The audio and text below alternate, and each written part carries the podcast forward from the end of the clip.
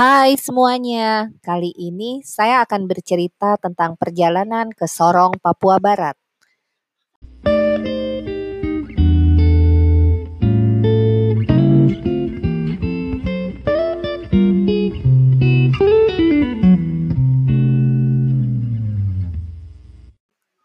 Cerita pertama untuk kalian adalah pengalaman saya kulineran di Tembok Berlin, Sorong, Papua Barat.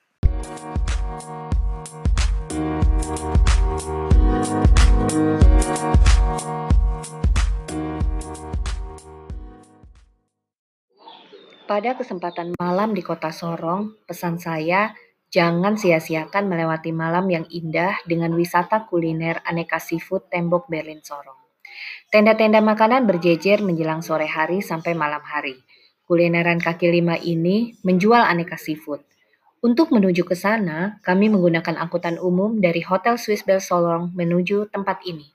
Tidak terlalu jauh, sampaikan saja ke supirnya bahwa Anda mau ke Tembok Berlin untuk makan seafood. Pasti langsung paham.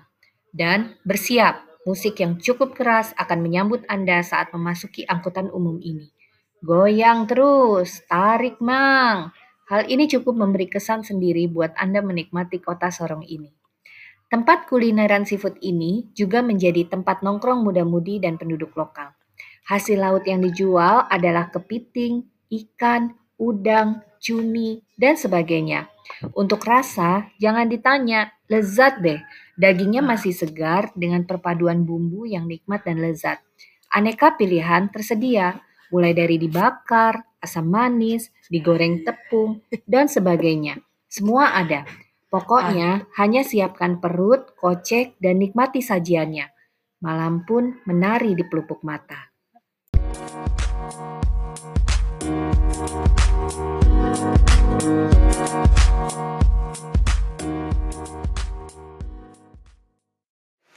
Cerita selanjutnya adalah cerita tentang perjalanan menuju Teminabuan, Sorong, Papua Barat.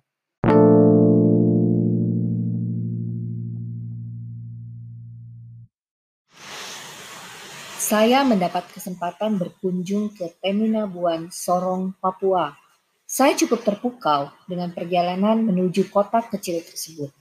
Teminabuan adalah sebuah distrik yang berada di Kabupaten Sorong Selatan, Papua Barat. Kota ini cukup kecil, namun sedang berkembang. Dan yang menarik untuk saya ceritakan di sini adalah perjalanan menuju kota tersebut. Perjalanan darat kami tempuh dari kota Sorong sekitar 4 jam.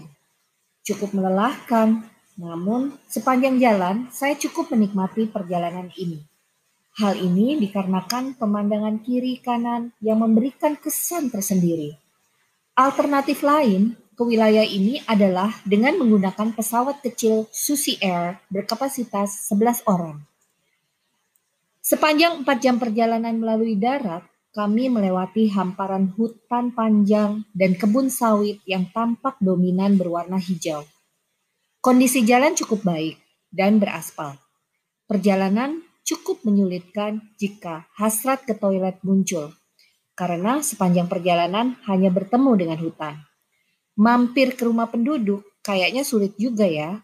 Pastikan sebelum memulai perjalanan ke sana, mampir deh dulu beli camilan, minuman, isi bensin, buang hajat, dan sebagainya. Nah, semua ritual itu harus diselesaikan duluan sehingga sepanjang perjalanan tidak membuat kalian repot. Dalam perjalanan, kami juga melalui pasar tradisional yang disebut Pasar Mami Sayur mayur yang dijual merupakan sayuran khas penduduk di sana. Kami juga sempat melihat daun gatal yang dijual. Namanya iya, daun gatal. Daun gatal ini cukup dikenal di Papua sebagai obat alternatif kesehatan masyarakat lokal. Dalam perjalanan pulang, kami berhenti beberapa kali di pinggir jalan karena saya melihat beberapa anggrek liar yang tumbuh di pinggir jalan hanya bisa berfoto dan kagum. Wah, indahnya. Andai bisa dipetik, kan ku bawa balik ke tanah seberang.